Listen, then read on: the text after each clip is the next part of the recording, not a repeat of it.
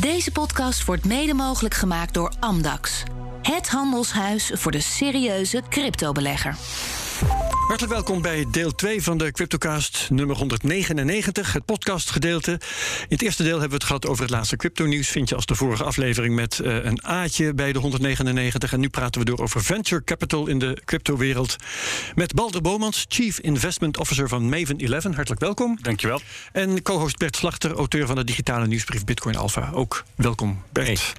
En zo direct aan het eind van deze podcast wat we doen in Cryptocast nummer 200 over een week. Feestelijke uh, aflevering, dus blijf erbij. Of spoel door naar het einde, dan kun je meteen horen wat ik daar zeg.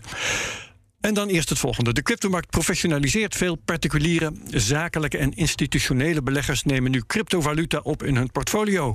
En toch wordt het crypto-domein vaak nog gezien als een anoniem online gebeuren. Voor Amdax is het juist volkomen persoonlijk. Cryptovaluta opslaan, verhandelen of het beheer van je cryptovermogen volledig uit handen geven. Amdax is er voor de serieuze cryptobelegger die zijn portefeuille wil onderbrengen bij een veilige, professionele partij. Oké. Balder. Um, wij vragen altijd aan onze gasten die hier voor het eerst zijn: hoe heb je eigenlijk überhaupt met crypto kennis gemaakt? Jeetje, wat een goede vraag. Ja, um, Als je dat nog weet. Ja, ik zat toen bij de bank. Dus ik was, uh, bij de ja, bank? Bij de bank. Bij, bij, bij Kemper, dus een bank aan de Zuidas. Um, okay. Ik had al wat vriendjes die vanaf 2014 uh, uh, nou, zaten te zeuren. Maar we attendeerden op, de, op, op Bitcoin en toen ook Ethereum. Uh, Isla maar in 2014 wou je nog niet luisteren? Nee, 2014 wilde ik zeker nog niet luisteren. was ik nog goed eigenwijs. Dus dat is in 2016 is dat veranderd. Toen um, heb ik me veel, vanzelfsprekend veel research gedaan, veel ingelezen. En toen ben ik ook best wel wat conferenties gaan organiseren. Omdat ik wilde begrijpen wat voor mensen in de industrie actief waren. En hier naartoe halen. En, en, en waarom ze die protocollen en applicaties aan het bouwen waren.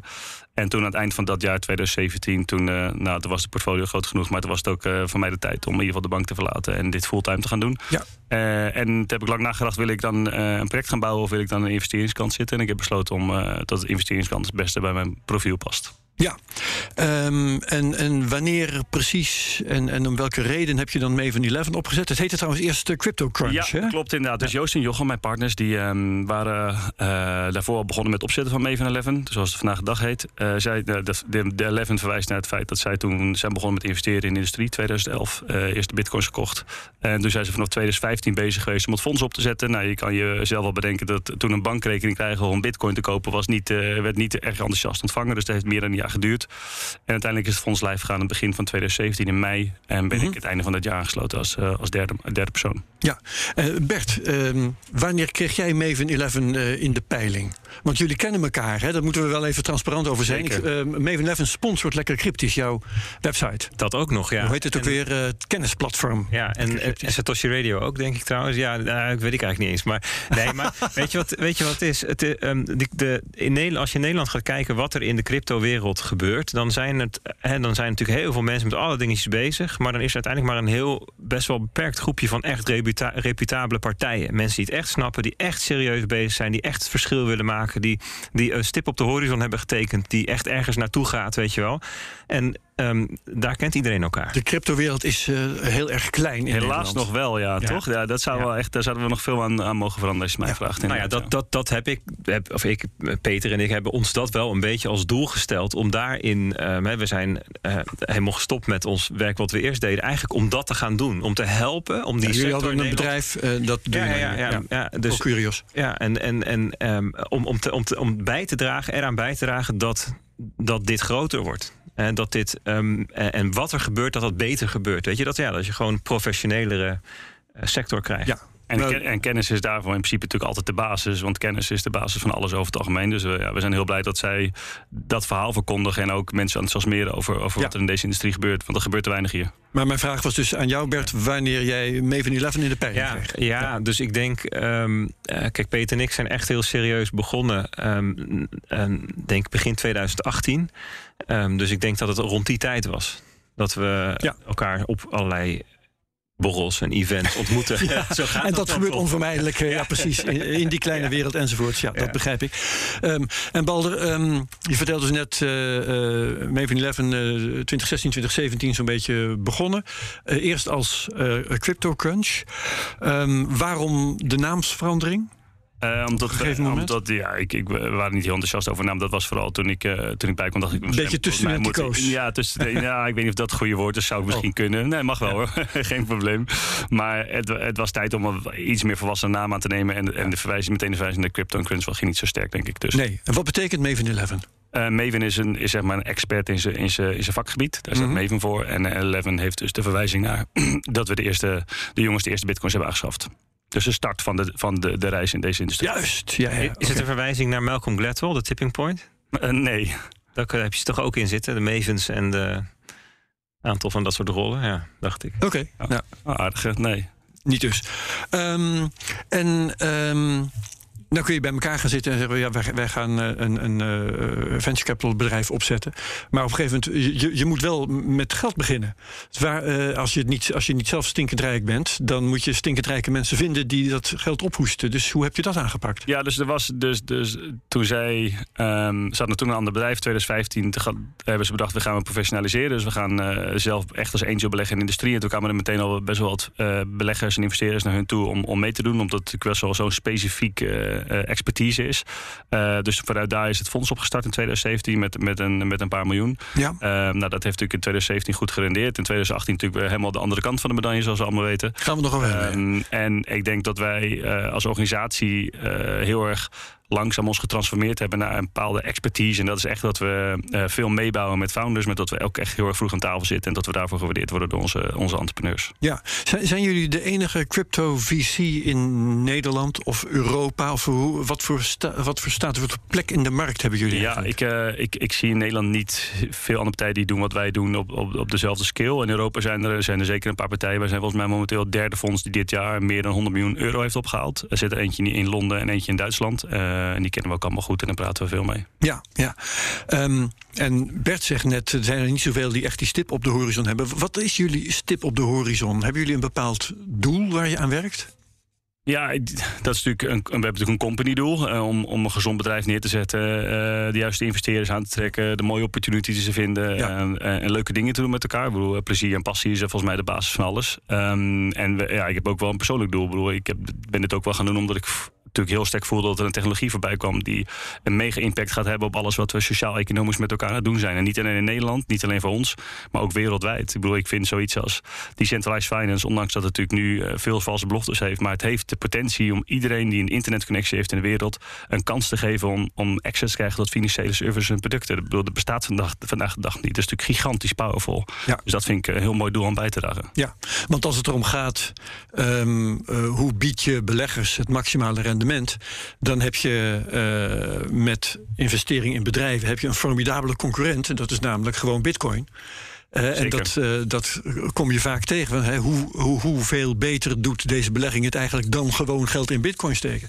Ehm, kun je daar iets over zeggen? Hoe jullie die afweging maken? Want jullie eh, beleggen zowel in crypto zelf als in bedrijven die zich bezighouden met de cryptomarkt. Ja. Leg eens uit. Ja, dus hoe wij naar die wereld kijken is dat wij, wij bieden een specialisme aan onze investeerders aan. Dat zit vooral in die, die domeinen die ik net noemde. Decentralized finance, Web3 en, en infrastructuur. Daar hebben we een, een mooi netwerk en kennis staan... waardoor we veel access hebben tot waanzinnig mooie deals. Om een idee te geven, ik denk dat wij op jaarbasis... tussen 2.500 en 3.000 deals zien per jaar... eh, waar we natuurlijk een hele selec- selectieprocedure overheen hebben. Eh, en bitcoin is zeker een formidabele component... maar dat is iets wat we denken dat kunnen beleggers ook zelf kopen. Iedereen is nu tegenwoordig zo makkelijk om, om een bitcoin te komen... of je nou een, een ETF in de US koopt... of dat je een product bij Andex koopt die hier aanwezig Ja. is. Dus Maar eh, dan kan ik de vraag ook omdraaien. Dan kan ik ook zeggen, waarom eh, steken jullie dan ook als, eh, als visiefonds geld in Bitcoin en Ethereum? Want dat doen jullie ook. Maar dat doen wij kun je dan momenteel- beter we, ja, we hebben momenteel geen bitcoins, maar we hebben zeker wel Ethereums. Ja. Want ik vond het, dacht ik wel op jullie website dat jullie dat ook doen. Eh, dit hebben we in het verleden zeker gehad, maar momenteel Ah, is dat geen, geen actieve onderdeel van onze strategie. Maar, Maar dat, kan, dat betekent niet dat dat wel kan gebeuren. Wij zijn daar redelijk flexibel, flexibel in. En we denken ook dat je die flexibiliteit moet hebben om goed te kunnen beleggen in deze industrie. Ja, Want als je, als je 100 miljoen ophaalt, hè, ehm, bewaar je dan 100 miljoen? Want je gaat het niet allemaal meteen eh, ehm, eh, in de, eh, deployen, wat is goed Nederlands woord. Je kunt niet meteen uitgeven, Investeren. besteden. investeren. Ja, je, Ja, moet, investeren. je hebt nog een tijdje tussendoor dat je je eigen treasury doet, je eigen, je eigen schatkist bewaart, doe je dat dan in, in euro's of, of in ethers? Uh, nee, dat is een hele goede vraag. Nou, dat hangt zeker af van de market cycle. Dus nou, nu zijn wij op een moment aangekomen in onze visie dat je zeker nog interesse hebt om exposed te houden in ether of, of, of in bitcoin of andere namen. Um, uh, maar dan langzaam zal er ook wel een keertje een einde van deze cycle aan bod gaan komen, zoals we allemaal wel weten uit het verleden. Uh, maar dan is natuurlijk, dat was natuurlijk echt anders dan 2017. Dan kan ik ook vandaag een paar miljoen in AV zetten, wat collateralized lending is. AV, dat is zo'n DeFi. Dat is eigenlijk een soort, een soort bank dat, ja. dat even als het ware op het internet heeft. AVE. AVE, inderdaad, ja. En dan kan ik gewoon 3, 4 procent pakken, terwijl mijn, mijn lening ook nog collateralized is met compleet onderpand. Dus dat zijn hele interessante opportunities voor onze beleggers, voor onszelf. Als je het hebt over treasury verzorgen, dan zijn dit hele mooie opportunities om onze treasury uh, aan te sterken en, en dan even in cash te zitten met elkaar. Dus je beheert je vermogen uh, zolang je nog niet hebt geïnvesteerd. En dat is eigenlijk. Uh, en ik had, ik had nog een andere vraag. Hè, van, um, als je dan ook um, voor jezelf en naar je investeerders toe je klanten, zeg maar, als je dan rapporteert over hoe goed je het doet, je, je, je performance, praat je dan, zet je dan af te, ten opzichte van gewoon bitcoin aanhouden? Of ten opzichte van euro's aanhouden? Want dat, dat tweede is natuurlijk niet zo heel ingewikkeld. Nee, dat, nee dat is zeker niet. Maar moet je niet vergissen, dat was in 2018 natuurlijk ook wel even anders. Hè? Dus dat is nu een mooie tijd natuurlijk. En nu is zeker, wij, krijgen onze, onze beleggers storten gewoon in euro's. Dus er wordt ook gewoon in euro's gerapporteerd. Dat neemt niet weg dat wij natuurlijk wel heel transparant zijn over dit heeft bitcoin gedaan, dit kwartaal, dit hebben wij gedaan. Dit bedoel. En, en, dus het, en, en wat komt daar dan uit? Nou, dat is, dat is heel moeilijk. Dat, dat, dat is niet de hele relevante data. Want in een, in een boom market loopt dat heel ver weg van Bitcoin performance. Dit jaar heeft natuurlijk uh, veel uh, kleinere assets hebben natuurlijk Bitcoin outperformed. Mm. Uh, en in 2018 was het precies andersom. En waarom het ook niet zo relevant is, omdat wij doen heel veel early stage investeringen die op kostprijs staan. En ja. die niet meegeworden in zo'n in zo'n berekening. Dus bijvoorbeeld een heel groot deel van ons portfolio staat op kostprijs. Dus dat kan je niet afzetten tegen misschien een Bitcoin die heel erg goed of heel erg slecht performt. Dus het is een ja. beetje. we geven het gewoon mee als, als referentiekader. Uh, maar het is niet echt een benchmark om, om, om tegenaan te houden. Misschien over een paar jaar wel, als die ventures wat verder ontwikkeld zijn en pricing hebben, dan, dan wordt het wat relevantere data. Je noemde net uh, 2018, een stukje 2019 uh, telt daar ook nog in mee, denk ik, de, de bear market. Dat die minder, minder leuk was voor jullie. Um, vertel eens, hoe, hoe, hoe kom je zo'n tijd door? Um, ja, ik denk vooral door heel veel, veel convictie en commitment te houden. Bedoel, zakelijk. Dus die, uh, iedereen heeft natuurlijk al je, heeft, natuurlijk waarschijnlijk privé exposure. Nou, dat gaat natuurlijk allemaal dan niet zoals je wil. En dan denk je, nou, ik ga er wel van een tijd willen kijken. Je blijft lezen, je blijft, je blijft uh, jezelf on, onderwijzen. maar zakelijk moet je wel de convictie hebben om door te zetten. En dat zijn natuurlijk in die fase niet makkelijk. wat we goed, denk ik, aardig hebben gedaan, is dat we altijd zijn blijven communiceren met onze beleggers. Want die je kreeg natuurlijk cijfers te zien die niet heel erg, niet heel erg aantrekkelijk waren. En waardoor mensen ook wel een beetje interesse verloren. Je merkte ook dat uh, nieuwe pitches of bij mensen langskomen dat het verhaal helemaal niet resoneerde. Dus er was natuurlijk niemand meer met blockchain bezig. Dat was natuurlijk ten dode nee. opgeschreven voor iedereen die, ja. die, die überhaupt naar deze markt had gekeken had. En Bedoel je ook dat, dat jullie beleggers, want, want uh, ja, je, ik zou zeggen, je verwacht toch wel een bepaalde lange termijnvisie, maar dat, ja. dat jullie beleggers echt het, het geloof verloren in het fenomeen blockchain?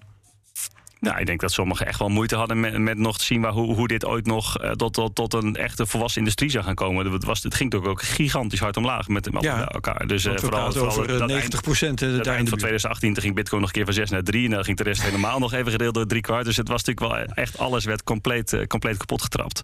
Um, en, en langzaam hebben we natuurlijk het hersteljaar gezien. 2019 is 2020 natuurlijk die, het complete adoptiejaar geweest van Bitcoin en daarmee crypto. En dat had ook niet anders eigenlijk gemoeten. Want als je erover nadenkt, dan is er zoveel mooie infrastructuur gebouwd in die jaren daarvoor. Die zijn zo belangrijk geweest voor, die, voor dat adoptiejaar in 2020. Want die custody, de trading, de settlement waren echt zaken die heel erg slecht georganiseerd waren voor institutionele beleggers. Ja. Dus dat, dat ook helemaal niet anders gemoeten uiteindelijk. Want die jaren zijn volgens mij key geweest voor, voor, voor dat uh, ja, breakthrough in 2020. Ja. En, en jij zei net, uh, uh, ik weet niet of, of de formulering nog precies is, maar investeringen blijven tegen kostprijs geboekt staan. Daarmee bedoel je waarschijnlijk dat jullie zijn geen beleggingsfonds dat een koers heeft van dag tot dag. Uh, beleggers geven jullie geld en dat wordt in aandelen gestoken. En vervolgens staan die aandelen daar. Uh, die zijn ook niet beursgenoteerd, neem ik aan. Uh, dus nou, je het weet... zijn geen aandelen. Hè. Het zijn, het zijn zeg natuurlijk. Het zijn, het net, we doen kopen netwerkstakes of tokens hè, in, in, in, in bedrijven. Okay, ja, ja, ja, ja, Dus als je een AVE hebt, dat wordt. maar dan heb je dus wel van dag tot dag een koers. Nou, dus ik zal ik even het proces uitleggen. Dus als wij iets vinden, dan moet iemand nog komt met een idee of met een whitepaper binnen. Het moet allemaal nog gebouwd worden. Het product moet nog neergezet worden. moet nog een team geformeerd worden. Dus er zit vaak al een time lag in van, van zes tot soms wel twaalf maanden.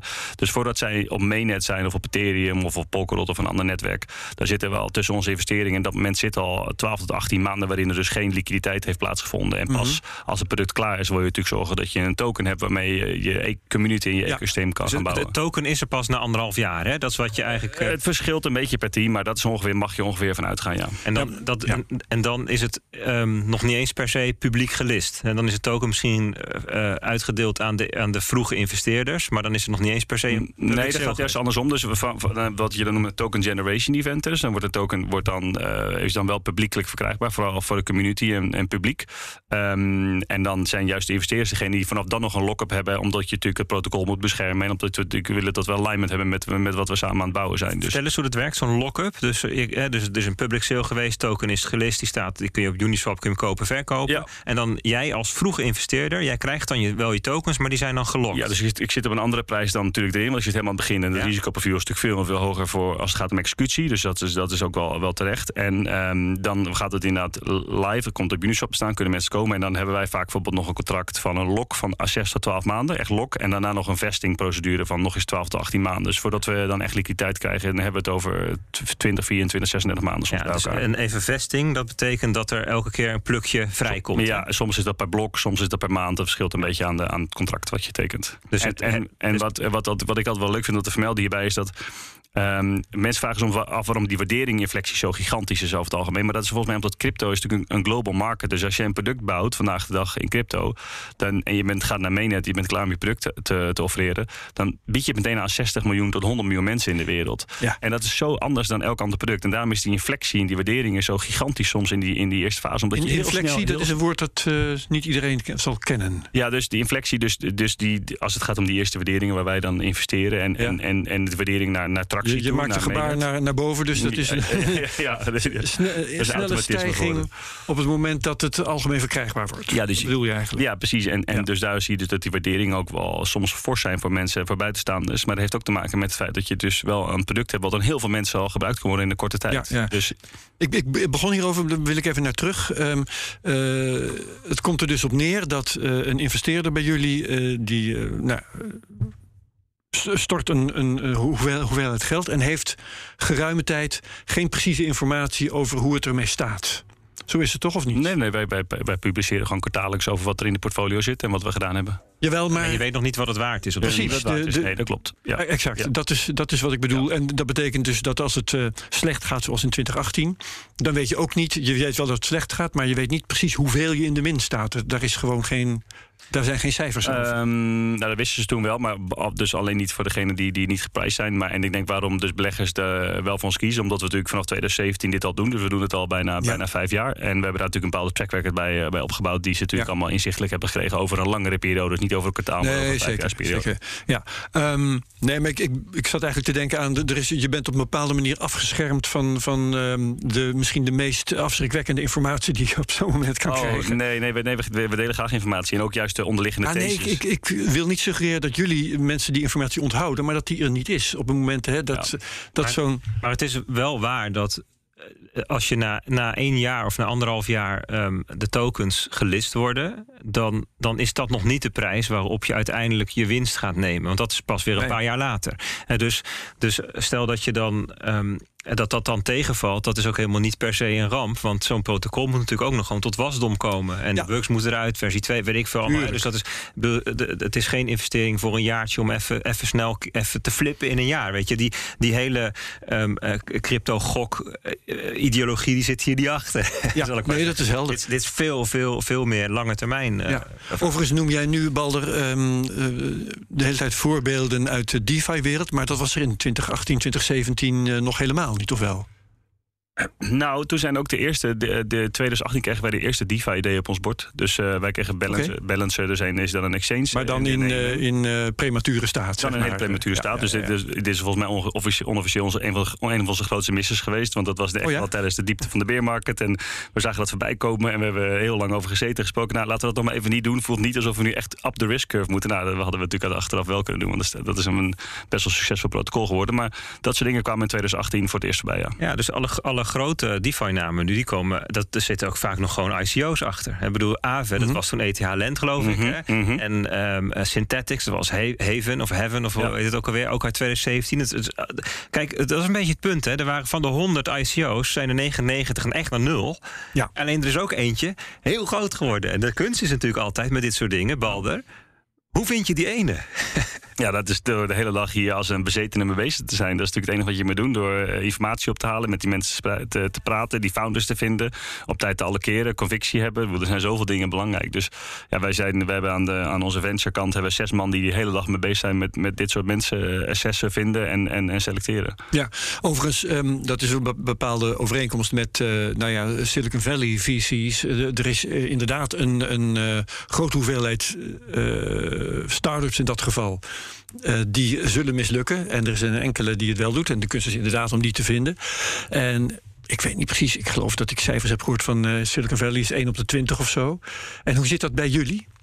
Ehm, nou ja, ik bedoel, dus- van, van ja, de dus- projecten waar je ja, in investeert. we geïnvesteerd in. Dat begrijp ik. Kijk, niet alles is nog tot wasdom gekomen. Dus dat Nee. is nog een beetje een moeilijke statistiek. Maar eh, dus we hebben er een, een paar gehad. Die zijn, we min, die zijn zeker minder succesvol. Ehm, maar dat zijn er niet. eh, Het zijn er momenteel geen 1 op 20. En dat komt ik ook Ik bedoel dat het beter is dan dat. Dit is wel beter dan dat momenteel. Ah. Maar dat komt ook om door de specifieke eh, karakteristieken van deze industrie. Is dat je natuurlijk tussen het beginnen met een bedenken van een product, het bouwen van een product en liquiditeit op on de markt eigenlijk on, nou, wat ik net zei, tussen de 12 en 18 maanden. Niet voor ons, maar wel voor het totale eh, eh, eerste aanvangfase. Dat is natuurlijk heel anders dan met een equity verhaal waarin je investeert en het is een 0 of een keer 100 aan het einde van de rit die tussen 5 of 10 jaar plaatsvindt. Dus die liquiditeits. eh, ja, karakteristiek verandert de hele industrie, maar en ook je return profiel. Dus je hebt ook wel, je hebt ook soms, we hebben ook wel eens een keer gehad dat een founder zich niet meer aan de afspraken heeft gehouden die wij met hem hebben gehad, of die we, we contact viel weg en hij kwam niet meer terug. Ja, toen hebben wij wel besloten om te zeggen, hier gaan we natuurlijk niet meer, niet meer mee verder bouwen. Dan, dan hebben we, toen hebben we even gestampt met onze voeten als het ware en hebben we afscheid genomen van die positie. Dus ehm, in, in, in, in hele bijzondere situaties kan dat wel eens gebeuren. Dat doen we liever niet, maar eh, helaas moet het af en toe, eh, moet het af en toe zo zijn. Ja, dus het verschil hè, met traditionele eh, bedrijven is dat je, dat je eigenlijk als, als eh, VC's onderweg wel instapt en er- en meedoet en meegroeit en mee investeert. Alleen je hebt pas je exit bij een beursgang of een, of een overname of iets. Dus dat is Ja. helemaal aan het eind van de rit. Als je tussendoor eruit wil, ja, is lastig. En dat is een groot verschil met dit bal. Dat is denk ik. eh, en dus hier kun je Ja. onderweg veel makkelijker eventueel een stukje eruit of gewoon helemaal vertrekken. Of, eh, omdat er namelijk onderweg al Ja, liquiditeit is. Dus die beursgang vindt al publiekelijk Ja, plaats precies, dat zou je on- op, op, een publieke blockchain na, na 12 tot 24 maanden. Dat is plaats van na echt 10 anders. jaar. Ja, Ja. en maar in sommige gevallen ook bij ons nog wel drie, vier jaar. Hoor. Dus we hebben ook wel tussen zitten die echt wel langer nodig hebben om pluk te bouwen. Omdat het meer gecompliceerd is. Je hebt meer research aan de basis. Neem meer de tijd of hebben andere problemen. Dus. En dat is ook helemaal geen probleem. Ehm, maar de- inderdaad, de, hele looptijd is veel, veel korter dan je in, in, in, in, in equity markten momenteel ziet. Inderdaad, ja. De partijen voor wie jullie eh, investeringen doen, ehm, wat, wat zijn dat voor partijen? Eh, ik denk als die heel erg goed onderlegd zouden zijn in crypto, dan konden ze het misschien zelf wel. Als ze helemaal niet onderlegd zijn in crypto, dan vinden ze jullie niet. Dus eh, welke we hebben- mate van crypto-kennis hebben Ja, dit is eh, heel verschillend. Dus eh, als je naar ons, eh, we hebben dus juist het tweede fonds opgehaald. Als je naar het eerste fonds kijkt, dan zag je vooral mensen met een achtergrond in finance en tech. Vond ik heel erg, heel erg eh, dominant aanwezig. En, en nu zien we meerdere industrieën, eh, ondernemers uit meerdere industrieën interesse hebben met het fonds. En daarnaast zien we ook wel wat meer institutioneel geld. Dus wat we noemen family office zijn natuurlijk al, hadden we al in fonds 1, maar ook zeker in fonds 2. Eh, maar ook fund of funds. Dat zijn, dat zijn dus funds die, die beleggen in meerdere funds om, Mhm. om zeg maar, het managerrisico wat meer te de-risken. Ehm, en daar zien we dus ook veel meer aanwezig. Dus het is een, het is een meer institutionele belegger, ja, beleggerskant dan we, dan we in eerste instantie hadden. Ja. Ja, dus eh, meer, meer crypto-leken ook zo langzamerhand. Nee, mensen zijn veel, zijn veel, beter, veel beter belezen dan, dan, beter? dan ever before. Ja. Oh ja? dat is echt heel interessant om te zien. Dus toen wij in 2018, 2019 met, met investeerders aan het praten waren, dan moest je echt nog wel eh, compleet het verschil tussen Ethereum en Bitcoin uitleggen. Wij spreken dat moet ze bij sommigen nog steeds. Maar eh, mensen komen echt onwijs goed belezen ter tafel en zijn onwijs goed op de hoogte van de laatste ontwikkelingen en trends. Dus het is onwijs leuk om te zien. Mensen zijn echt, echt helemaal om. Ja. Ehm, even kijken, de, de, de regelgeving zou ik het wel over willen hebben. Onder wat voor regelgeving eh, vallen jullie? Ja, dat is een goeie. Weet je dat zelf niet?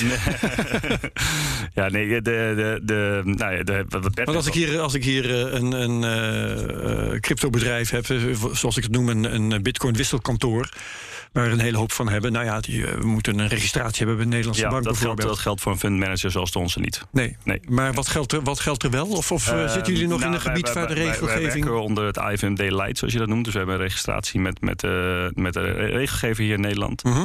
Um, en is natuurlijk nog steeds ja, mag de, wat Bert net noemde, er moet natuurlijk duidelijkheid komen over wat de regelgever van ons wil en met, met ons wil. En die duidelijkheid kan je geven als je die crypto-asset een status gaat geven. En, en nou, ik denk dat Mika een gigantisch belangrijke stap gaat worden in dat domein. En dat dat ook de stap gaat worden waardoor heel veel landen in één keer uh, daarmee gaan werken. Maar Waarmee je zegt, daar zullen jullie onder vallen? Daar zullen wij zeker onder vallen, ja. ja. Dus, dus dan, dan, wij vallen natuurlijk onder de fondswetgeving in Nederland, vanzelfsprekend. We zijn een fonds. Uh, maar ik denk vooral het behandelen van die crypto-asset. Wat is nou een status en wat betekent nou, dat nou voor fondsen die daarin beleggen? Dat, dat zal nog een stuk duidelijker moeten in ons. Ja, Mist, om, he, mis je daar iets in dan nu? Nou, ik denk, niet, ik denk dat het moeilijk is om te duiden wat we missen. Maar het enige wat ik erover wil zeggen is dat we, als je natuurlijk om je heen kijkt. En even Europa als voorbeeld, wat, wat Liechtenstein heeft gedaan. Of je nou fan van bent of niet. Maar die zijn natuurlijk wel heel bewust bezig geweest. Oké, okay, er is een nieuwe industrie. Laten we het nou proberen te begrijpen. En regelgeving bouwen. Zodat mensen hier kunnen gaan ondernemen. En Liechtenstein, nou, wat zie je volgens gebeuren? Dat allemaal ondernemers in heel Europa gaan, in, die gaan incorporaten. Die gaan advocaten gebruiken. Die gaan daar misschien wel uh, nestelen. Dat heeft Zwitserland natuurlijk in eerste instantie ook gedaan. En dat doet Estland in een bepaalde mate ook. En um, ik denk dat dat heel heel goed is. Want die hebben eigenlijk mensen uitgenodigd. Kom dan met ons praten. Dus bij, als je in Estland gaat, kan je gewoon met de regulator zitten. Kan je vragen, oké, wat vind je van mijn issuance? Hoe denk je over mijn project na? Wat, wat, moet ik, wat moet ik anders gaan doen?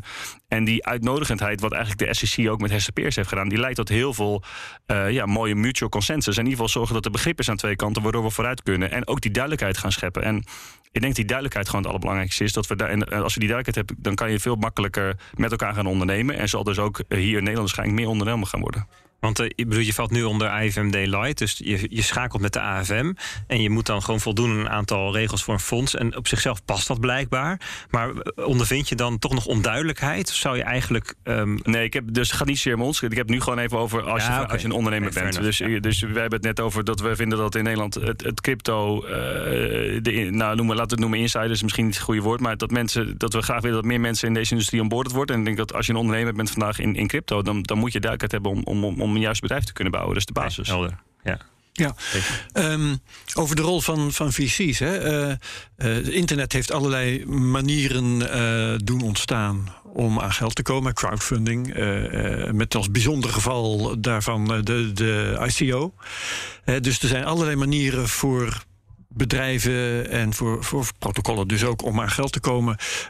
zijn VC's nodig? Goeie vraag. Ik, laat ik het zo zeggen. Wie heeft de visie eigenlijk harder nodig? Hebben de projecten visies nodig of hebben de uh, beleggers visies nodig? Um, nou, de, de, de beleggers, uh, denk ik, als je dat specialisme zoekt, sowieso. Want die kunnen die niet, zelf die selectie maken over waar je moet investeren en, en ja. wat goed is en wat niet. Dus dat, ja. is, uh, dat is denk ik, bedoel, daarvoor komen mensen bij ons en dat is echt een specialisme. Kijk, als je vandaag naar crypto kijkt en je bent een goede founder dan, uh, en je wil fundraising doen, dan haal je makkelijk, uh, je, zoekt 2 miljoen, dan krijg je 10, 15 miljoen ingeschreven. Elke deal die kwalitatief goed is, waar we praten, die is 5 tot 6 tot 7 keer overtekend door, omdat er gewoon zoveel geld in deze industrie momenteel uh, rondzweeft. Dus geld is eigenlijk niet meer een, een USP om in een deal te komen. dat is eigenlijk hetzelfde geweest als in, als in het internet in de jaren 2000 en, en, en ook daarna. En moet je dus heel veel andere kwaliteiten meenemen aan tafel om, om van waarde te zijn voor een founder. En dat gaat dus over, over heel veel facetten hoe je die founder gaat ondersteunen. Um, en dat doen wij heel veel. Daarom hebben we ook zo'n best wel breed team neergezet de, de laatste twee jaar. Om te zorgen dat we die founders op de juiste manier kunnen ondersteunen. En dat is in ieder geval onze USP om te zorgen dat we uh, waarde toevoegen aan het project, waarde toevoegen aan de founder. En ook zo uh, kunnen investeren in die belangrijke deals. Ja, ja. Dus, dus het is um, aan de ene kant hè, van, vanuit de belegger van van, de, van, de, van die 3000 projecten die je langs ziet komen per jaar, welke 50 moeten we er nou hebben? Dat is, dat is de waarde die je aan de belegger hebt. Maar ook, stel dat je als belegger zelf dat zou kunnen, dan mag je niet eens geld inleggen. Want de, het is, de rollen zijn zo omgedraaid dat het project bepaalt: jij mag in mij investeren en jij oh ja. niet. En dus, dus dat is wat, je, waar, waar hè, wat, wat, wat, wat um, een, een goed visiefonds dus uh, ook kan doen, een goede visie. Die kan überhaupt toegang verschaffen tot de beste projecten. Zo, bizar, hè? Dus dat is, dat ja, is wel, ja, ja, Kijk, het is niet van, nou ja. Um, ik heb, ik heb toch geld, dus ik mag toch, toch meedoen. Nou ja, nee. Nee. je moet eigenlijk op auditie om mee te komen. de rollen, de rollen zijn omgedraaid. Wij, wij pitchen ons soms wel zelf naar founders toe. En soms ook op publieke fora, fora op governance. En ik denk wat de andere is waarom VC's toch nog wel, ja, toch wel belangrijk zijn... is dat ja, wij hebben natuurlijk wel een reputatie hoog te houden. Dus als wij met een team werken en, en die, die bouwen veel met smart contracts... dan zorgen we dat we, dat we gewoon een hele goede security auditing firm omheen zetten... om te zorgen dat alles gewoon dubbel, dubbel gecheckt is... en in ieder geval geen exploits en hacks kunnen plaatsvinden. Ja, dat gebeurt ook, ook wel in deze industrie. Dus dat vinden ze heel belangrijk voor ons dat dat goed gaat. Dus daar besteden we veel tijd en aandacht aan. Dus dat soort, dat soort details vullen we veel in over het algemeen. Als je dit dan zo eh, van een afstandje hier naar luistert, hè, dan bekruipt mij het gevoel. ehm, de mooiste projecten die komen bij de beste visies terecht. Mhm. En wie investeren er daarin? Dat zijn de rijke mensen. Alleen al het fonds dat jij hebt is, eh, tenminste als je onder het IVMD Light regime valt, is minimaal een ton. Misschien wel wel meer, ik zou kunnen. Maar dat betekent dat de gewone consument, als die al ergens mee mag doen, dan zijn dat dus de tweede, derde, vierde rangs projecten. Nou, je kijkt, die- dus je kan, eh, dat is niet helemaal waar, want je Of kan de goede projecten, maar dan heel laat. Ja, dan, dan, eenmaal- dan in een latere fase. Maar dan zijn ze Ja. natuurlijk ook meer de-risked. Dus dat is niet per se een slechte propositie. Dus er zijn heel veel projecten die natuurlijk na twee jaar ontwikkeling naar de markt komen... die hele mooie investeringsproposities zijn. Dus, dus als, gewone, als gewone particulier zou je eigenlijk moeten kijken van waar investeert Maven 11 in? Die public sale ga ik aan meedoen. Maar dat zou een strategie kunnen zijn. Ik denk dat veel mensen zo'n strategie hanteren. Misschien niet van Maven 11, maar wel van A16Z of een andere partij. Ja, want wie zijn dat? Even voor de luisteraar. Ja, A16Z is natuurlijk een, een, een gigant in, in deze industrie. Dus die hebben de zomer 2,2 miljard opgehaald. eh, alleen voor crypto assets. Ehm, die, eh, ja, die, investeren, die investeren natuurlijk eigenlijk al, hebben al alles ge- gebackt of in, in de, in de tech-tijd wat, wat, wat groot is geworden. Doen dat nu in crypto en, en besteden daar heel veel tijd, resources en geld aan momenteel. Ehm, dus even, dat is ook wel, ik had even een statistiekje opgezocht wat voor geld, money flows er momenteel naar venture capital zijn in crypto. Dat was, je zag echt zo'n blipje, zo in 2017 werd het één keer 7 miljard. Dit jaar wordt er 28 miljard geallockeerd aan, aan crypto-visies. Om even het idee te geven hoeveel geld er naar, ehm, naar deze industrie aan het heen bewegen. ja, Waarvan ja. dus 10% naar A16Z en 10% naar Paradigm, zou je Ja, kunnen dat zeggen. zou je zo kunnen zeggen. Dat is 20%. Dus eh, Amerika wordt bij far het meeste geld opgehaald. Dus, Dus, eh, Amerika, logisch. die zijn veel groter dan de grootste van Europa. Dat is ook wel weer even, even interessante eh, constatering, Herbert. Hè, dat ook hier weer Amerika een orde groter groter is. Want in, in, daar heb je zo gek 2 miljard natuurlijk. en hier over 100 miljoen. Ja, maar, wel, maar wel heel zorgwekkend. Want, Ja. want ik, ik had toevallig, wij hebben, ik ben twee keer uitgenodigd bij het Europees Parlement, zo'n zo'n paneldiscussie. En dat gaat, een, dat gaat dus over die data ownership. Wacht Data even, als jij hier zegt, bedoel je Europa. Ja, Ja. hier Ja. Europa bedoel ik. Niet Dus bedoel, Nederland, Europa, vi- ja. 400 miljoen mensen Europa, 400 miljoen mensen Amerika. Ja. Economieën zijn zelfde orde groot. Ik geloof 0,7 te- ten opzichte van 1. Ja, zeg nou ben ik er weer bij. Ja, ja, ja. En, en, en zij doen 10, 20 keer zulke grote visies daar. Ik vind dat wel zorgwekkend. Ja, vind ik heel zorgwekkend. en, en, en dat zie je dus. Dus de meeste founders zitten ook vandaag nog in de US. Ook de meeste grote protocollen worden geëxecuteerd in de US. En eh, wat, we net, wat je net aanstipte, als je het hebt over coalitieakkoord. Weet je, dus als je natuurlijk naar, kijkt naar wat we noemen Web 2.0, hè, Facebook, Google. En, en dat onze data natuurlijk een compleet product is geworden. Maar eh, compleet aangestuurd door Amerikanen. En wij worden als Europa overleefd. Dat is een van de grootste zorgen, denk ik, van, van Europa vandaag de dag. Weet je, als je het hebt over eh, cybercrime en het misbruik van die data. Ik geloof ook dat, dat, dat Europa echt wel buikpijn heeft. En een, en een stevige kater van dat we dat met heel Web 2.0 zeg maar gemist hebben. Ik geloof als je gaat kijken naar techbedrijven, wat zit er in Europa? Daar heb je misschien Spotify in Zweden. Je hebt eh, Ja. eh, GitLab is nog een grote vanuit hier, weet je. Maar wat, wat, wat zit hier nou eigenlijk? Niks. Weet je, het is allemaal in Amerika. Ja. En dan hebben wij de GDPR om hun een beetje naar onze regels te laten. We hebben hier natuurlijk regelmacht vanuit Europa. Dus we kunnen ze eh, een soort van zorgen dat ze zich een beetje naar onze eh, regels voegen. Maar daar heb je het mee gehad. En voor de rest zit het allemaal daar. Dus we hadden, dat is heel vaak is het daarover gegaan. Nou, dat moeten we niet nog een keer laten gebeuren. En nou, lijkt Ja, het. lijkt het weer te gebeuren. En, en eh, deze technologie zal wel iets anders formeren in de zin dat, dat er wel veel meer con- controle en gebruik komt bij de eindgebruiker. Dus bij ons. Dus dat is natuurlijk een natuurlijk gevolg van deze industrie. Dus dat is het positieve van blockchain-technologie. Maar het is zeker een hele zorgwekkende ontwikkeling in mijn ogen. Ja. Ja, en nou ging het alleen nog maar over waar het geld vandaan komt. Hè? Ehm, dan kun je ook nog het gaan hebben over waar het geld naartoe gaat. Want jullie zijn dan eh, toevallig een Nederlands bedrijf als Maven 11. Ehm, maar je steekt eh, geld in projecten. En die projecten komen, ehm, nou zeg het zelf maar, maar waarschijnlijk ook in meerderheid uit de Verenigde Staten. dat is zeker het geval inderdaad. Kijk, ja, wij hebben natuurlijk wel een, wij hebben natuurlijk een bepaalde allocatie voor ogen hoe wij die indus- industrie zien ontwikkelen en wat wij belangrijk vinden. En, en eh, ja, dus als je had zegt een jaar geleden uh, de split tussen Europese founders en Amerikaanse founders, wat er al naar de markt kwam, hè, wie, wie op zoek waren naar geld, was echt 85, 15, 90, 10. Tegenwoordig is dat echt wel beter geworden. Dus ik zie, we zien echt wel veel, heel veel leuke projecten in Europa steeds meer naar voren komen. Ik denk ook dat er meer bewustzijn is over wat er in Web3 gebeurt. Uh, en, en daardoor ook meer bewustzijn. Dat zal nu 75, 25, 80, 20 aan het worden zijn. Nee, maar wij, wij bekken heel graag founders in Europa. Dat doen we onwijs graag. Het is makkelijker, het is dichterbij, dezelfde tijdzone. Um, maar het moet wel, het moet wel binnen onze thesis en echt van kwaliteit zijn. En heb je het dan over waar de founder zit of waar het team zit? Want het zijn ook vaak natuurlijk gewoon gedecentraliseerde teams die all over the world zitten. Ja, of niet? Ook lastig. Ja, ja, zeker. Maar dan heb ik het even over waar de, de founder of founders zitten. Over het algemeen inderdaad. Ja, het team is even dan misschien wat secundair middenfounders. Ja, ja. Uh, vond ik trouwens ook wel een aardige uh, ding om over te hebben als het gaat om uh, gedecentraliseerde projecten. Bert zegt als ze kunnen over de hele wereld zitten.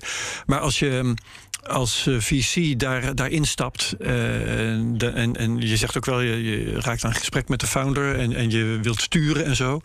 Is dat niet ook een vorm van centralisatie? Dat je, dat je als VC op een of andere manier toch meer invloed hebt dan een willekeurige pipo die aan het project meedoet? Ja, dat, eh, dat verschilt ook heel erg aan de setup. Um, er zullen ook zeker verhalen zijn op projecten waar je in investeert die, die hier zeker aan onhevig gaan zijn. Maar er zijn ook al projecten in de industrie waarin alles op publieke voorraad wordt besproken en ook zo gestemd wordt. Nou, Olympus DAO is denk ik een van de mooiste voorbeelden daarvan. Uh, dat is compleet decentraal, dat is een compleet community-driven project. Daar zijn wij een onderdeel van, maar we hebben helemaal geen, geen grote stemmen, we hebben geen grote voorkeuren. En, en er zijn volgens mij honderden proposals ingestemd in een jaar tijd, die door mensen zelf naar voren zijn gebracht. Dus dat wordt echt, uh, echt compleet decentraal aangestuurd. Dus dat bestaat ook. Um, maar ja, en bepaalde mate van centralisatie in, in iets bouwen heeft natuurlijk wel uh, ook iets van kracht. Want je kan sneller schaken, je hoeft niet met alle stakeholders rekening te houden. En vooral in die eerste fase is voor een founder denk ik dat toch wel het meest comfortabel. Ja. Uh, maar naarmate je meer oog op je krijgt en groter wordt, is het belangrijk dat je wel natuurlijk compleet decentraal bent. En op wat voor punten stuur je dan? Uh, waar heeft zo'n founder behoefte aan? Of wat, wat dreigt die verkeerd te doen? Of, wat, nou, kijk, de meeste founders zijn veel slimmer dan wij, dus die, die hoeven niet zoveel te sturen. Ze zijn heel erg, heel erg trots dat we die mensen mogen investeren over het algemeen. Um, uh, maar er gaat bijvoorbeeld, ja, er zit bijvoorbeeld, we hebben een, een founder zit in de UK, die, dat is een onwijs een mooie developer, die is een onwijs slimme kerel. Um, maar die heeft bijvoorbeeld wel heel veel ondersteuning nodig bij fundraising. Dus we hebben gezorgd dat hij in contact komt met alle grote Amerikaanse VC's en heeft volgens een hele mooie ronde gedaan over de zomer heen, waardoor hij verder zijn team kan uitbouwen. Dus dat is iets heel simpels. Maar dat gaat ook mm. al uh, van in later stages dat we helpen met liquiditeitsverzorging, met uh, hun, voor hun kaart brengen hoe, hoe het werkt met market makers, hoe je een community moet neerzetten. Dus er gebeurt zoveel om, om die mensen heen, anders dan een, een beetje code neerzetten, een beetje code bouwen. En nou, ik denk dat wij in verschillende van die facetten heel erg goed kunnen ondersteunen. Ja, wat voor verschillen zie jij op dit moment tussen 2017 en 2021? Tot de producten hebben die echt gebruikt worden door mensen. Um, Dan bedoel je DeFi? Ja, DeFi, DeFi maar bedoel ik ook al zoiets als Arweave, wat de storage solution is. Een storage oplossing. Mensen kunnen daar al dingen opslaan. Dat wordt al, wordt al heel erg gebruikt. Hoe heet dat nog een keer? Arweave heet dat. Arweave? Ja. Um, dus we zien, we zien echt gebruik van blockchains. Nou, uh, ik denk dat NFT's is natuurlijk, uh, is natuurlijk een waanzinnig mooi voorbeeld. Uh, volgens mij is elke grote megaster of grote brand in de wereld momenteel bezig met een, een use cases om, om hoe NFT's te gebruiken in, in, in zijn day-to-day business. Of zorgen dat ze klanten kunnen gaan winnen door het gebruik van NFT's. Dus al die bedrijven beseffen natuurlijk heel goed dat de wereld is becoming more and more digital. En, en onze kinderen en mijn kinderen worden ook steeds meer digitaal. Dus ze moeten alles digitaal gaan neerzetten. En dat is uiteindelijk in crypto en blockchain. Um, dus ik denk dat um, ja, de adoptie is daar. Er zijn heel veel mooie producten. Mensen, de, we zien steeds meer mensen in die netwerken komen. Nou, Bert gaf net het voorbeeld van Bitcoin, maar dat geldt ook voor andere netwerken die gebruik maken van die verschillende producten en services. Is, is het voor jou van belang als je investeert dat er ook daadwerkelijk een gedecentraliseerd eindstation is? Of maakt het eigenlijk niet eens heel veel uit? Ja, voor ons over het algemeen wel. Wij, wij zijn, omdat we vinden dat daar uiteindelijk de, de meeste waarde komt zitten als je alle stakeholders kan alignen. En, en daar zien we natuurlijk al hele mooie voorbeelden van. Dus ik denk dat het, het, het, gebruik van een, een token of een netwerk om incentivisatie binnen zo'n netwerk af te stemmen met elkaar, waardoor in, in het belang van alle stakeholders gestemd wordt en, en, en gedragen wordt, als het ware. Uh, dat is een van de, ja, denk wel, meest onderontwikkelde uh, uh, vakgebieden in onze industrie. En ik denk dat daar heel veel aandacht naartoe gaat. Maar als je dat goed doet, dan kan het extreem powerful zijn. Uh, dus ik denk dat uh, ja, de, de, decentrale denken, of in ieder geval decentrale governance en wat we ook al met DAO's langzaam zien gebeuren, dat dat heel erg powerful gaat zijn in de lange termijn. Ja. Oké, okay, cool. Even, even iets uitpakken voor de luisteraar. Ja, doe het maar. dat, het, het, idee hè, daarvan is dat je, um, daar gebruik je over het algemeen speltheorie voor. En, en het idee van speltheorie is dat je alle deelnemers aan een ecosysteem, iedereen die erbij betrokken is, dat die mag handelen, moet handelen in zijn eigen ehm, best interest, in zijn, Belang. eigen belang. Hè? Dus een rationele actor noemen we dat dan. Als hij, hij denkt aan zijn eigen belang. En door zijn eigen belang, in zijn eigen belang te handelen, ehm, steunt hij het systeem, het ecosysteem. Dient hij het systeem. En je ziet dat bij Bitcoin bijvoorbeeld. De miners die handelen in hun eigen belang. En de, aldoende houden ze het netwerk eh, eh, gezond. Weet je wel? En iedereen in het Bit- Bitcoin-ecosysteem, dus dat is dus de speltheorie van Bitcoin, die, die handelt naar zijn eigen belang. Mhm. En toch is het systeem in zijn totaliteit gezond zonder centrale aansturing. Dat is waar, waar dat voor kan zorgen. Ja. Het is afstemming tussen mensen die, ook, die, die niet centraal gecoördineerd worden. En dat kun je dus, bij Bitcoin kennen we dat, is heel veel beschreven, maar dat kun je dus bij allerlei andere eh, gedecentraliseerde systemen ook doen.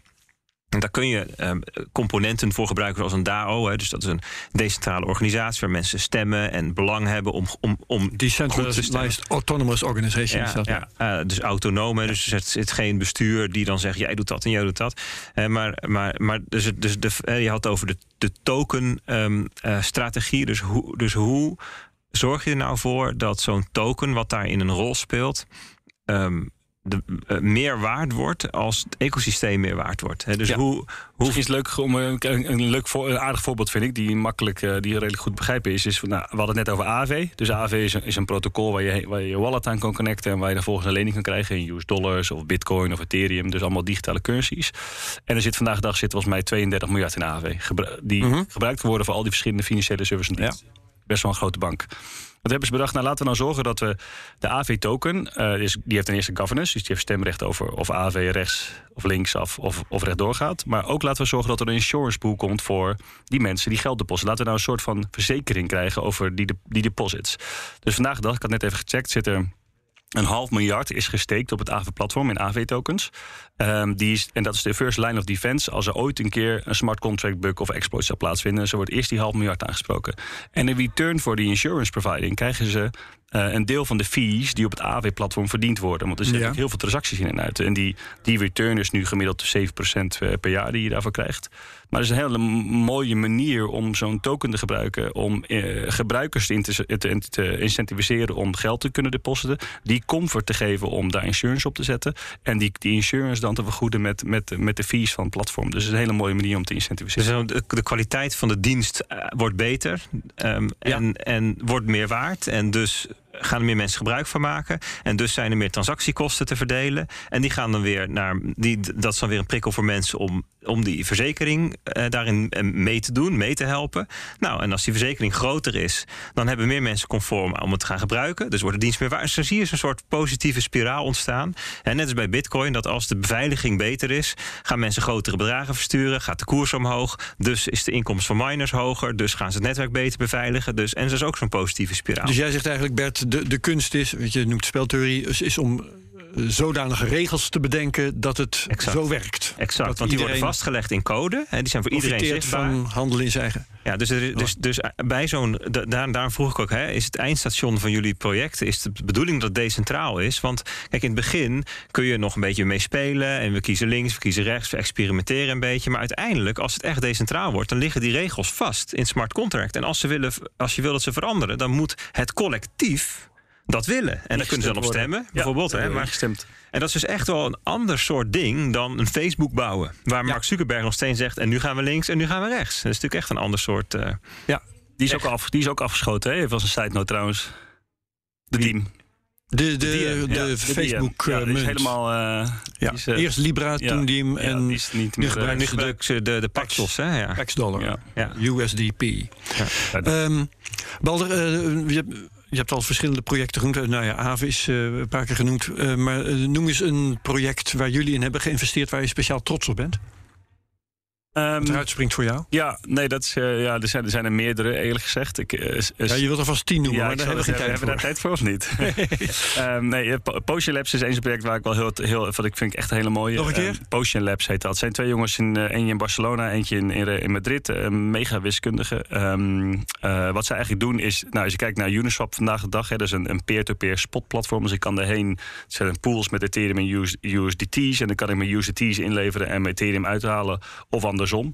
Ehm, en dat gaan we ook langzaam voor opties ontwikkelen. En ehm, nou, dat hebben ze nou, uit, uiteindelijk uitgevonden door heel, veel research te doen. Dat het Black Scholes, het welbekende optiemodel, wat we gebruiken voor veel traditionele assets de afgelopen 40, 50 jaar. Dat underprices de tail risk voor, voor crypto. Dus eigenlijk ben je een soort bank die constant de verkeerde pricing afgeeft of de verkeerde premie uitgeeft aan de klant die een optie komt halen. En zij hebben dat uh, helemaal gebacktest. En toen hebben ze een andere mathematician gevonden in de jaren 50. Die heet Kelly. En toen hebben ze uiteindelijk nu een AMM. Dat noemen we een Automated Market Maker. Wat ook Uniswap is hebben ze ontwikkeld op basis van de Kelly-criteriën. Die dus een betere en meer perfecte uh, optie pricing afgeeft dan, dan, dan Black Scholes. En dit is, nou, daar hebben ze twee jaar over gedaan. En die gaan uh, begin volgend jaar gaan ze, gaan ze naar de markt. Uh, maar echt in mijn ogen best wel baanbrekende research als het gaat over het, het prijzen van peer-to-peer options in, in crypto. Um, maar we zullen zien of het zo meteen werkt. Want ze zijn richting mainnet aan het gaan. Maar we zijn er extreem enthousiast over. Oké, spannend. En hoe je dit dan denkt moet zien is als bouwsteentje, als Lego-steentje in het grotere decentrale financiële stelsel. En want dat is wat we hier aan het bouwen zijn. Um, en als je ik bedoel, als je het kijkt naar het traditionele financiële stelsel, dan zijn derivaten zoals opties en futures, die zijn nodig voor een gezond, uh, gezonde handel, gezonde markt. En je hebt ze nodig om, om, om um, marktparticipanten bijvoorbeeld een risico's te kunnen laten hedgen. Nou ja, dus als je dat helemaal gedecentraliseerd zou willen maken, dan heb je dus ook dit soort bouwsteentjes nodig. En dat is, dit is een van de nou, tientallen, honderden bouwsteentjes die er uiteindelijk zal zijn. En dat is, ik vind het parallel altijd wel aardig met bijvoorbeeld Linux. Ja. Linux bestaat ook uit een heleboel kleine bouwsteentjes. Allemaal individuele kleine programma's die soms al 40 jaar bestaan. En um, samen, zo'n individueel programma is, is niet zo heel veel, maar samen is het het operating system waar de meeste computers ter wereld op draaien. Van Android tot en met alle, alle servers, uh, bijna alle routers die thuis staan enzovoort. Uh, en waarom is dat zo groot? Ja, door de samenwerking van al die kleine bouwsteentjes. Nou, dat, zal, dat is DeFi, is dat ook. Als we het hebben over DeFi, dan gaat het dus over het complete ecosysteem van al die bouwsteentjes. Nou, en daar heeft, daar heeft Balder dus eentje nu van beschreven. Leuk. En dat klinkt dan heel technisch, maar dat, ja, sommige dingen zijn nou eenmaal heel technisch. Ja. Zeker. Daar kunnen we ook wel tegen. Um, ik wil ook nog wel voor de andere kant van de zaak, want er mislukken ook projecten. Uh, kun je een project noemen dat is mislukt? En hoe ziet zo'n mislukking er dan uit? Um, nou, Carry is een project wat in onze ogen niet wat minder goed geslaagd is. Dus dat is een, eh, een loyalty, loyalty idee op de blockchain. Daar kwamen we tegen in 2018. Er was, een, was in een goede founder, die kwam ook uit de loyalty-industrie. Dus die had al, uh, volgens mij, ja, die zat in Korea, die had al heel heel veel winkels in, in, in een loyal systeem aan boord. Dus dacht mm oké, deze man hoeft alleen nog een stap te maken van een, een loyalty. Uh, eigenlijk industrie waar hij vandaan komt, met alle kennis, met alle relaties, uh, naar, naar, naar een blockchain-based uh, loyalty systeem. Nou, dat is helemaal niet goed geëxecuteerd. Dus dat is zeker niet, uh, dat is niet een investering waar we nu dan denken, nou, daar moeten we wel eens blij mee zijn. Nee. Ja, oké. Okay. Nou, ruiterlijk dat je dat ook wilt vertellen. Um, waar we het nog heel weinig over hebben gehad, is, is Web 3. Kun je wat dat betreft um, vertellen wat volgens jou het perspectief is?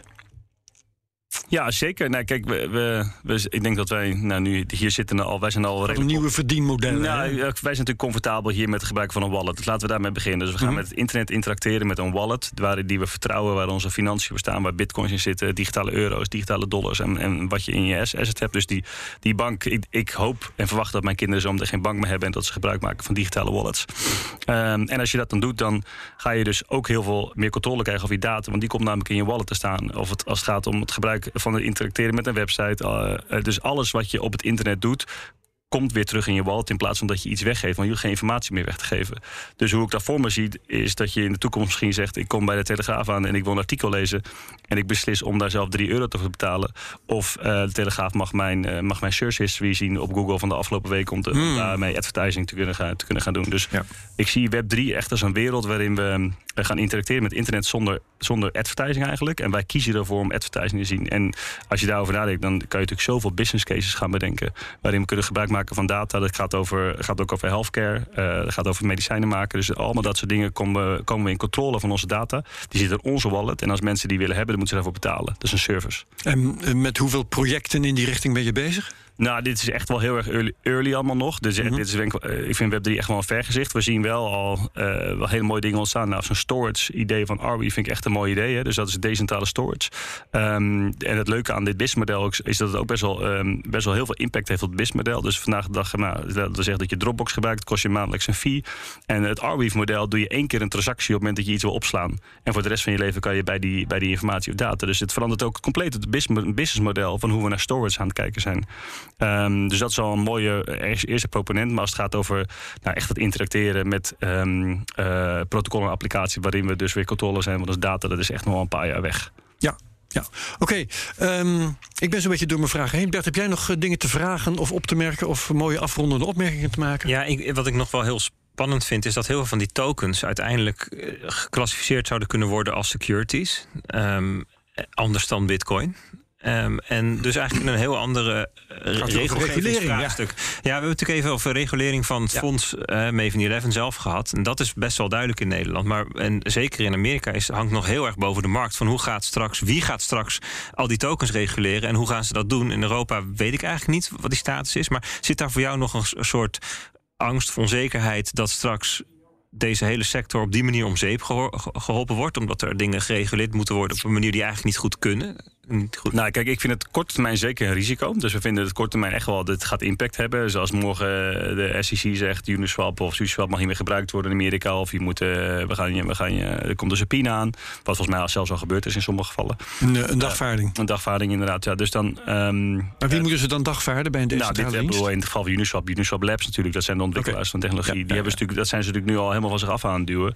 Um, dus ja, korte termijn een risico. Lange termijn uh, kijken wij toch naar het feit dat we er een trend aan het ontstaan is en dat die protocollen steeds beter worden. En wat ik net, net zei, is dat als we dit verder gaan verbeteren, dit nieuwe financiële systeem, en, en het in staat krijgen uh, om, om iedereen access te geven tot, tot die financiële service en producten, dan zie ik daar niet een, een mega bedreiging voor. Het zal waarschijnlijk wel anders ingericht moeten gaan worden. Dus volgens mij is die discussie natuurlijk die ontstaat in, in Amerika heeft heel erg te maken met taxation. Zorgen dat ze een deel van, van, van de profits kunnen krijgen zoals ze dat gewend zijn. Met, en met KYC en EML.